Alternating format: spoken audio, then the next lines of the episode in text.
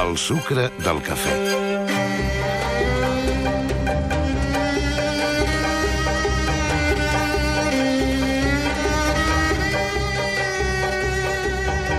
En un dia com avui, és gairebé inevitable enfrontar les dues celebracions d'aquesta nit. Castanyada versus Halloween, tradició autòctona versus costum importat. S'ha repetit fins a l'avorriment que cal preservar la nostra festa genuïna de la imposició de l'imperialisme yanqui i tot de garants de les nostres tradicions han argumentat a favor de les castanyes i els moniatos i en contra de la carbassa i les taranyines. Però amb el temps, i tampoc no gaire, la dicotomia s'ha convertit en una guerra perduda i les dues celebracions s'han acabat imbricant.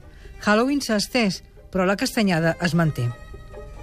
La preponderància de Halloween s'explica per la pressió de la cultura anglosaxona a una moda a la qual s'han apuntat grans magatzems i parcs d'atraccions, escoles d'idiomes i gimnasos. Però, millor que no ens enganyem, les carbasses també han triomfat perquè el que ens venen és una festa divertida, que juga amb l'atracció pel terror i l'humor, amb un atrezzo que dona per molt. Al seu costat, la castanyada és una celebració molt més modesta i avorrida, sense festa ni xerinola, limitada a consumir panellets, castalles i moniatos i a veure un modest moscatell. Tot i així, la castanyada segueix ben arrelada i resisteix.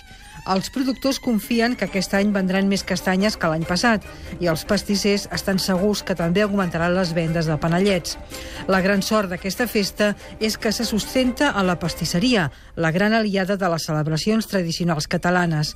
La castanyada té futur mentre puguem continuar menjant panellets regats amb un bon moscatell i Halloween s'hi haurà d'acostumar.